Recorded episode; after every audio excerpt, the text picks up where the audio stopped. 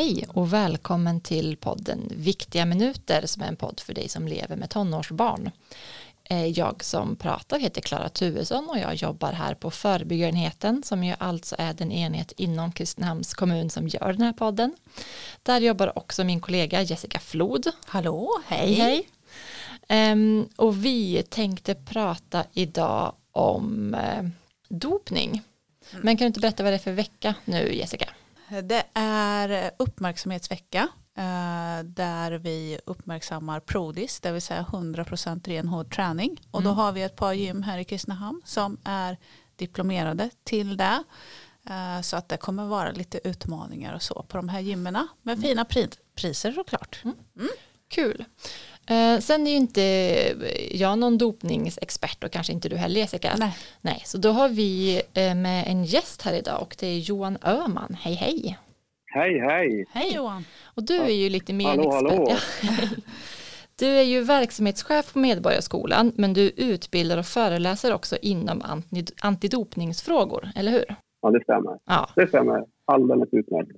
Superbra. Um, och då tänker jag om man lyssnar på den här podden och känner så här dopning, det vet jag så himla lite om. Vad, vad behöver man veta då tycker du?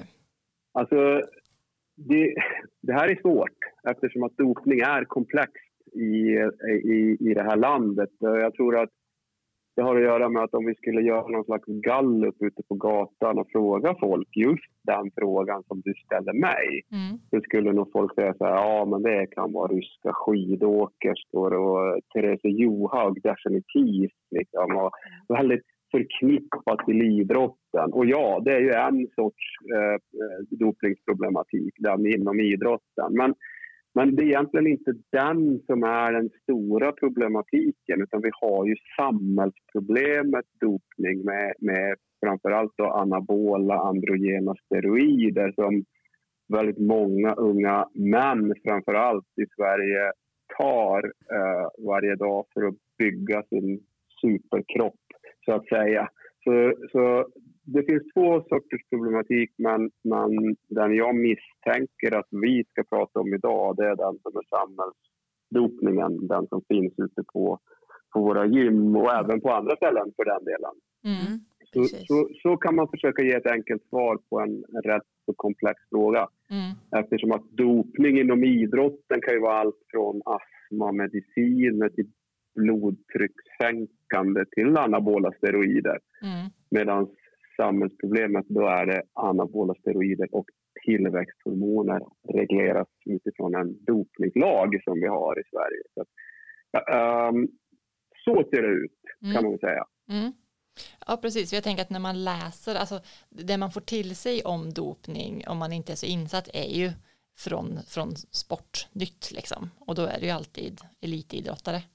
Så det är väl... Ja, men så är det ju. Så jag tror att många inte tänker på som du säger, liksom bara den dopningen Nej, i vardagen. Är ju, ja, vinklingen är ju stenhård åt det hållet. Alltså, vi har ju den mediala vinklingen av den typiska dopningsanvändaren är ju att det är en, en elitidrottare eller att det är en grovt kriminell person, mm. typ Anders Bering Breivik som kanske mm. är mest känd i det avseendet. Och det är ju den mediala vinklingen som, som finns. Och, och det, det, ställer ju till det eh, eftersom att som sagt var um, den absolut vanligaste användaren av anabola steroider är ju en man mellan 17 och 35 som tränar på gym. Det är ungefär så nära som vi kommer när vi ska pinpointa användare av anabola androgena steroider. Han är man mellan 17 och 34 år och tränar på gym. Och det är bara att titta in på vilket gym som helst i Kristinehamn eller i övriga Sverige hur många är män mellan 17 och 35 på det gymmet. Mm. Och då kanske den givna frågan är, men är de, alla de är väl inte användare av anabola steroider eller? Eh, nej, men man skulle nog kanske kunna säga att de är potentiella användare av anabola androgena steroider. Mm. Uh, och, och, och, det kanske jag behöver utveckla, annars kanske ni får arga samtal till uh, er förebyggarenhet. Va? Vad sitter han och säger? Ja, men grejen är den att, att drivkraften att använda anabola androgena steroider är ju en drivkraft som vi alla faktiskt har. Det är ju att se så bra ut som möjligt utifrån de förutsättningar som råder, utifrån de ideal som råder. Och när det kommer till att vara snygg man i, i dagens Sverige så är det väldigt, väldigt, väldigt förknippat med muskler. Mm. Jag har inga siffror på det Johan, ursäkta att jag avbryter dig, men jag tänker att, Nej, även, det. att även tjejer börjar komma ikapp här med de här skönhetsidealerna och eh, även på gym om man får till sig hur man ska se ut och jag tror, men, och jag har inga siffror, men jag tror att vi är på gång och liksom komma ikapp med att kanske börja använda vi också, vi tjejer. Kvinnor. Mm. Ja. Fast jag, ska, jag har ju siffrorna så jag ja, kan, kan vad intressant. Ja, ja, vad intressant. Ja. Nej, men, men fort, fort, alltså, vi, kan, vi delar upp det, för du har rätt och fel. Och, och det mm. du har rätt är alltså objektifieringen av kvinnan mm när det kommer till muskler är ju mer eh, påtaglig än någonsin. Det kommer ett nytt ideal på ingående. Liksom strong is the new skinny pratar man ju om. Tjejer mm. tränar styrketräning i mycket hårdare utsträckning än vad man har gjort förut. Mm. Kanske. Och det är ju superbra. Det är verkligen fantastiskt. Varför skulle styrketräning vara liksom bara för män? Det känns ju väldigt sunkigt. Uh, och, men grejen är den att användandet av just anabola steroider, och jag ska förklara vad anabola steroider är, det är egentligen eh, en sammanfattning av syntetiska manliga könshormoner, alltså mm. testosteron. Och, och, användningen av anabola steroider bland kvinnor är väldigt, väldigt begränsad just på grund av att biverkningar som kvinnor får när de tar testosteron är så svåra. Alltså de blir ju män. Mm.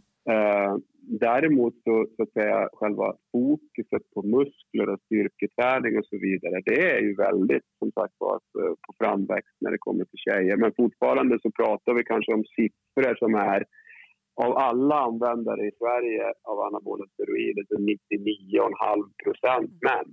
Ja, och, och, en halv procent kvinnor. Liksom. Mm. Ja. ja. Och, och, det har att göra just med den här biverkningsproblematiken, svåra, svåra biverkningsproblematiken som tjejer som använder anabola steroider får. Vad är det för biverkningar för män på anabola steroider? Ja, ja det är väldigt olika eftersom att det är, ju, det är genetik vi pratar om här och, och det man gör är att man mixtrar med hormonbalansen i kroppen. Vi män vi producerar ungefär 50 milligram testosteron i veckan på naturlig väg. Och, och, när man tar anabola steroider, då, eh, testosteron i muskelbyggarsyfte, då kan man ta upp till 4 000 milligram i veckan, alltså 4 gram testosteron. Och då förstår man att den överkonsumtionen den är ju sinnessjuk. Mm. Den är ju helt galen. Och, och, och, och, det beror på lite grann då vad du är mottaglig för när det kommer till biverkningar. Det finns ju några som alla killar får och det är nedreglering av det kroppsegna testosteronet. Eh, det är ganska enkelt. Om du skjuter till syntetiskt testosteron så kommer hjärnan att säga till testiklarna, för det är där män producerar testosteron, mm. sluta producera testosteron. Du får en massa gratis här. Mm. Eh, och lägg inte energi då på att göra det själv. Och det kommer eh, att ske och det som händer då det är att serotoninhalterna påverkas och till viss mån också dopaminnivåerna påverkas. Det, Eh, det produceras i testiklarna så det kan leda till fertilitetsproblem och så vidare. Och så vidare. Men, men just problematiken där också med eh, serotoninnivåerna är ju att ju mer testosteron syntetiskt du använder anabola steroider och syntetiskt, desto mindre testosteron producerar du själv. Mm. Så efter en kur, alltså när du slutar med anabola steroider, då har du ju inga testosteronnivåer i kroppen. Varken kroppsegna eller du tillför inga syntetiska heller. Det kan ställa till det. En del börjar må väldigt dåligt just i, i det läget av sitt användande. Så att man, det man söker hjälp för primärt det är depressiv problematik och ångest och kanske vanföreställningar i värsta fall. Man börjar må superdåligt och kan inte hantera det själv. För för det här är ju en...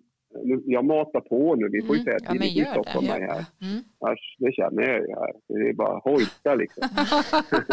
ja. I Sverige idag så gör man ju sina egna, eller på att säga, steroider. Eller du köper steroider som är gjorda i underground lab runt om i Sverige. Och från de hemsidorna där du köper anabola steroider, där kan du också köpa biverkningsmediciner. Du kalkylerar med att få vissa biverkningar, bröstkörtelförstoringar och testosteronproblematiken och sådana vanliga. Och då köper du också biverkningsmedicinerna från samma sidor som säljer anabola steroider. Mm. Det här är en öppen handel, vilket förvånar mig väldigt mycket. Då har jag ändå jobbat med den här frågan i 11-12 år. Ja, hur länge går man på en, en kur? Standard är någonstans 8 till 12 veckor och sen så brukar man hålla upp ungefär lika länge för att minimera biverkningsproblematiken då, framförallt minimera hormonrubbningarna som sker när du tar så där mycket testosteron. Men om jag har en, en, en son, säger vi här nu då, som, som jag vet hänger mycket på gym och tränar mycket. Eh, och sen så börjar jag på att se att han kanske börjar på att öka i tillväxt. Liksom. Är, är, finns ja. det någonting som jag kan kolla lite extra efter? Eller hur ska jag tänka ja, som det, mamma eller föräldrar överhuvudtaget? Det, det är ett pussel att lägga. Mm. Det är det som är grejen. Det är svårt att titta på en sak och sen tänka att oj, oj, det där måste vara anabola steroider. Utan mm. det är någon slags pussel och växt. Som du säger, hur snabb är muskelökningen? Liksom, hur fort går det? Har du en 17-årig son som går upp en 6, 7, 8, 10 kilo på ett halvår och det mesta är muskler, ja, då skulle jag nog i alla fall börja fundera på vad, vad, vad, vad, vad stoppar han i sig, eh, så att säga. Mm. Men jag skulle också behöva titta på många andra saker som vart sitter de här musklerna? Vart har muskelutvecklingen skett? Är det primärt kanske överkroppen? Uh, finns det andra tecken? Finns det någon akne som har dykt upp helt plötsligt där också? Uh, där har du ytterligare en, en, en pusselbit att lägga. Har det skett någon beteendeförändring? Har han bytt träningsanläggning? För det spelar väldigt stor roll också vart man tränar. Uh, de sakerna liksom att lägga ihop Mm. Uh, smusslas det, göms det lite grann uh, grejer. Det, det, det, är många saker att titta på. Uh, lite felaktigt så, så tittar vi bara på storlek rätt ofta och tänker att okej, okay, gud vad stor kille och mycket muskler han har, det måste vara anabola steroider.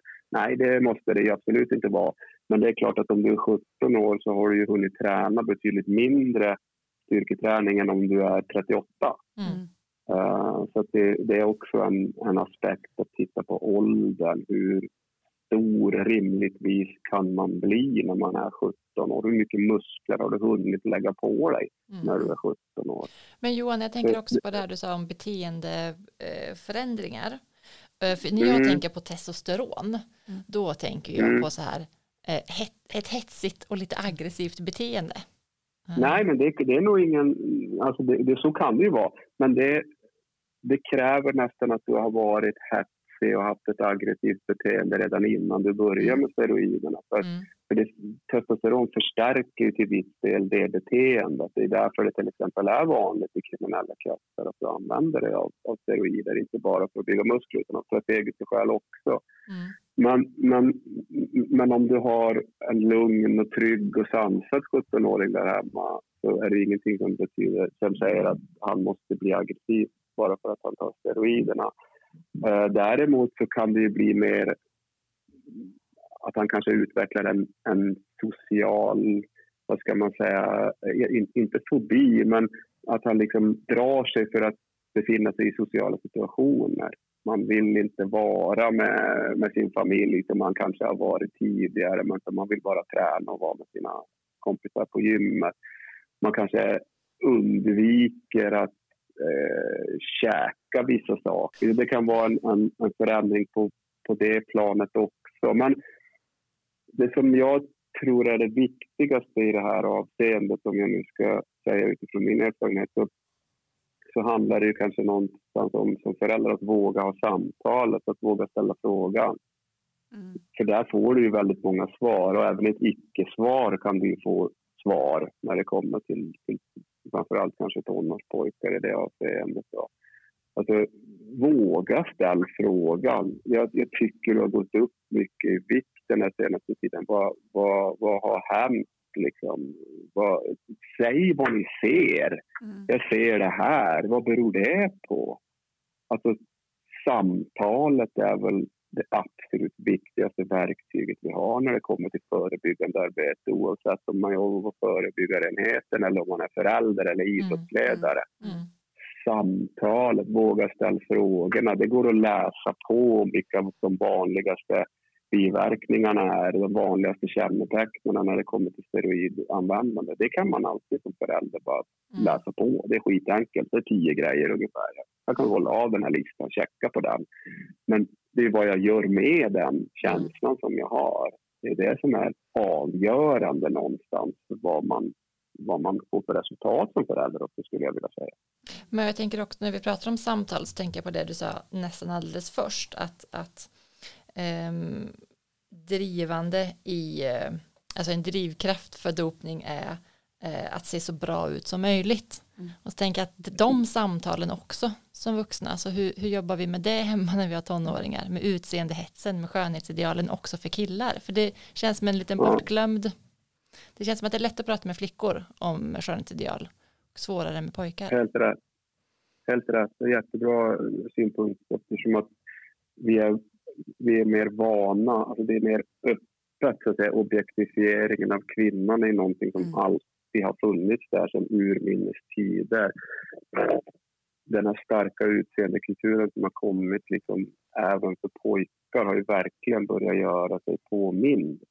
Och, och, och när vi pratar om superkroppen till exempel för, för killar så, så, är det väldigt tydligt att det handlar om ideal som definitivt går att uppnå utan anabola androgena steroider men som kanske tar en del tid och jag skulle vilja säga som, som svar på den frågan som du ställer då, så tror jag det handlar mer om att förstärka positiva beteenden. För att träna är ju det bästa som finns. Liksom. Det är ju superbra. Träna styrketräning eh, är ju fantastiskt för män, kvinnor, unga, gamla, barn. Liksom. Mm. Verkligen. Men, men att någonstans prata om kroppen som ett faktiskt verktyg primärt och faktiskt också någonstans pränta in det faktum att bygga muskler, det tar ju tid. Vill man göra det så är det ju perfekt, det ska man ju göra det. Och vill man ha ribb på magen, ja men fine. Ribba på magen är bra, men det definierar inte dig som människa. Liksom. Det är det som är grejen. Tyvärr så har det ju blivit kanske någonstans så idag att med sociala medier då primärt skulle jag vilja säga att, att det, det, blir på det sättet. Det definierar dig som människa. Kroppen är en statussymbol idag, mer än ett verktyg. Och det måste vi liksom återigen prata om. Vad, vad är anledningen till att du tränar styrketräning? Varför gör du det? Varför vill du ha ribbor på magen? Varför vill du ha stora armar? Vad är grejen? Det finns en, en bok som heter Projekt Perfekt som är skriven av bland annat Kristina Holmqvist som är doktor i psykologi vid Göteborgs universitet där de har sammanställt en hel del studier kring, kring kroppen. Och en av de studierna visar att 75 procent av de svenska unga männen skulle vilja vara mer muskulösa än de är. Mm. Eh, och tror att det skulle göra dem mer attraktiva. Mm. Alltså så tätt förknippat är ju då den snygga killen med den muskulösa killen. Musk, alltså det, den vältränade kroppen idag är ju per definition en snygg kropp. Det är så mm. vi framställer den. Mm. Och det måste vi liksom snacka om. Det är det vi behöver verkligen prata om. Och då kommer det in ytterligare en aspekt på det. Att när vill man vara snygg? Mm. Ja, det vill man ju vara nu. Eller hur? vi, vi, går ju inte omkring med en femårsplan och tänker bara 2020 då ska jag vara lite halvfet och chipstuttar och hängröv. Men 2025 då jävlar, då ska jag pika. Mm. Men vi kan ju titta bara, ju... ursäkta Johan, men vi kan ju titta bara på, ja, det finns olika tv-program. Nu finns det något där man gör något med sin man kan förvandla sin kropp till en superkropp på 16 veckor. Mm. Alltså vad förmedlar ja, vi? Ja. Alltså det är ett familjeprogram. Mm.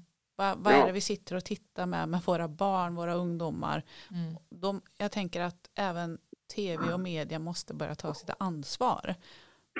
Ja, men det kommer inte att hända. Det nej, nej, jag vet det, men det är ett önsketänkande. Det kommer inte att hända. Ja, ja, ja, ja, ja. Men jag, jag, tänker, jag tänker kanske någonstans i det lilla där att jag tror att alltså föräldraansvaret, mm. gymansvaret, de som driver gym, de som har gym, liksom, där ligger ju också ett stort ansvar. Ledare, instruktörer och så vidare. Där ligger ju också ett stort ansvar någonstans. För att vad vi vill uppmuntra till är ju träning. Det, det, det är jätteviktigt. Vi vill inte att folk ska sluta träna i rädslan att de ska börja använda anabola steroider eftersom att liksom, fysisk aktivitet, bristen på fysisk aktivitet är ett mycket större folkhälsoproblem än vad dopning är till exempel. Mm. Men, men, men, vi får inte rygga för samtalet och för diskussionen och vi får heller inte rygga någonstans för att vara berätta att det är det här som krävs. Det krävs tid, det krävs kraft, det krävs blod och svett och tårar och ska du ha den här superkroppen som du hela tiden matas med och som ni är inne på tv, ja, media överhuvudtaget med sociala medier. Ska du ha den kroppen så kommer du att få lägga ner dig. Du kommer att få försaka godis och kompisar och, och, och, och liksom väldigt många saker som är destruktiva mm. i det avseendet. Är du beredd att göra det? Det, det, det, den, den ärligheten saknar jag ibland. Ja, precis. Och vad ska du ha superkroppen till? Om det är för att du för att du tror att du blir mer attraktiv så, så tänker jag att det är en, en sorglig utgångspunkt lite så. Är en tråkigt ja, att träna för att man vill bli mer attraktiv istället för att träna för att vill jag må bra mm. eller vill jag ha en utmaning eller mm. vad nu får folk att träna det vet jag ingenting om. Men. Nej, du vet. ja, men alltså, ja, men hållbarheten i att träna, hållbarheten i att träna för att vara snygg blir, den blir väldigt flyktig. Att det, för det är som mm. jag säger, det vill du vara nu. Mm. Då vill du inte gå dag ut och dag in på gym och traggla och greja och ha det. För, för då kommer vi till nästa problem också. Alla har ju inte genetiken för att få en superkropp. Mm. Långt ifrån. Liksom. Mm. En del kan ju träna hur mycket som helst och det händer ingenting. Mm. Är du en sämre människa då liksom, för att du inte kan få superkroppen? Och, och de här superkropparna som vi jämför oss med som, som finns på där ute, liksom Joel Kinnaman, Alexander Skarsgård, Ryan Gosling, den typen av kroppar. Men vad fan, de har ju som jobb att se ut så där. Mm. De har ju PT och nutritionister och dietister och kan ju träna sex timmar om dagen. Mm. De allra flesta av oss har inte den möjligheten. Så det, det finns ju, måste finnas en rimlighet i det vi håller på med också på det sättet. Och den, är inte heller, den är vi inte superärliga med heller. Jag tror framför allt liksom att, att har man tid att sitta ner och prata om, om träningen, liksom, mm tekniska detaljer i hur du ska lyfta bänkpress eller hur du ska göra dina squats och så vidare så tror jag man som gym och på gymmen också till exempel om vi nu pratar om gymmen har tid och kan ta ansvar att prata om just det där kroppen och vad den ska användas till och vad är målet med din träning och så vidare. Och så vidare. Vilket supermånga gym gör idag. Merparten av alla gym som jag har besökt i Sverige de senaste 11 åren, och det är jädrigt många, har ju väldigt sunda och bra inställningar till, mm. Till det här med träning. Uh, och det påverkar också de som tränar där. Sen finns det skitgym, inget snack om den saken. Sen finns det de som är vilsna också. Det är inget snack om den saken. Sen finns det gym som du inte ens kommer in på om du inte använder anabola steroider. Så vi har ju alla möjliga sorters mm. olika mm. gym. Men de allra flesta är jättebra. Ja, nu har vi pratat så himla länge så nu måste jag sammanfatta lite vad ja. vi pratat om här. Det är så stort ämne, ja, det är intressant. Och det, ja, ja men vi har försökt att få reda på lite mer om dopning. Um, och, och det du har lyft Johan är att det inte bara är ett problem inom elitidrott utan det finns också ett samhällsproblem och att en vanlig användare av anabola steroider eh, är en ung man 17-35 på gym. Så då förstår vi att det är verkligen ett, ett samhällsproblem. Um, vi har pratat yeah. lite om vad anabola steroider är och lite kan man säga tecken på eller biverkningar som det kan leda till och då handlar det ju om att i, i stort att kroppen producer, producerar mindre eget testosteron och att det i sig kan få biverkningar. Ehm, det handlar om att man får såklart en snabb muskelökning, det är väl det som är syftet, men man kan också få en ökning av akne, vissa beteendeförändringar, man kan som vuxen hålla lite koll på ifall det smusslas och göms saker. Um, och det vi pratat om att man kan göra som vuxen det är ju framförallt att våga ha samtalet, att, att våga ställa frågan. Och att säga det så enkelt som du sa Johan, att säga att jag, jag ser det här, vad beror det på? Um, och också att våga prata överlag om kroppsideal, framförallt med våra pojkar. Um, och att prata om kroppen som ett verktyg och inte som en, uh, inte som en statussymbol. Ehm, att prata om att ifall man vill träna, ifall man vill ha en stark kropp, då, då kan man absolut göra det, men det tar tid. Ehm, och att, och att ehm, din kropp eller din muskelmassa inte definierar dig som människa. Man kan också fråga varför man tränar, alltså vad, vad man vill uppnå, varför man vill uppnå det, för att problematisera lite och se liksom, vad är det för tankar som gömmer sig och vad är det för ideal och normer som gömmer sig här och på så sätt kanske också undersöka självbilden hos sin ungdom lite och se ja, ifall det är någonting som man behöver vara orolig för eller inte. Och sen också komma ihåg att vi vuxna, oavsett om vi är föräldrar eller anhöriga eller personal som är på gym, behöver ta ansvar för att prata, inte bara om träning utan också om kroppen och ska man säga, en hållbar träning för att må bra. Och inte bara för att få ett visst utseende eller en superkropp. Ja, Så. perfekt. Ehm, Suverän sammanfattning. Ja, mycket bra. ja, ehm, och mycket, Mycket bra. mycket bra saker som kom upp tycker jag som jag hoppas att, att vi är många som kan ta till oss och fundera på Mm. och ta upp kanske vid middagen ikväll eller på väg till träningen. Ja, precis. Ja. Eh, tack så mycket Johan för att du kunde vara med och prata om det här. ja, tack så hemskt Tack mycket. själv. Tack för att jag fick komma. Ja. Ha Tack det gott då. Ja, ha det gott också eh, ni som har lyssnat. Vi hörs igen. Hej då.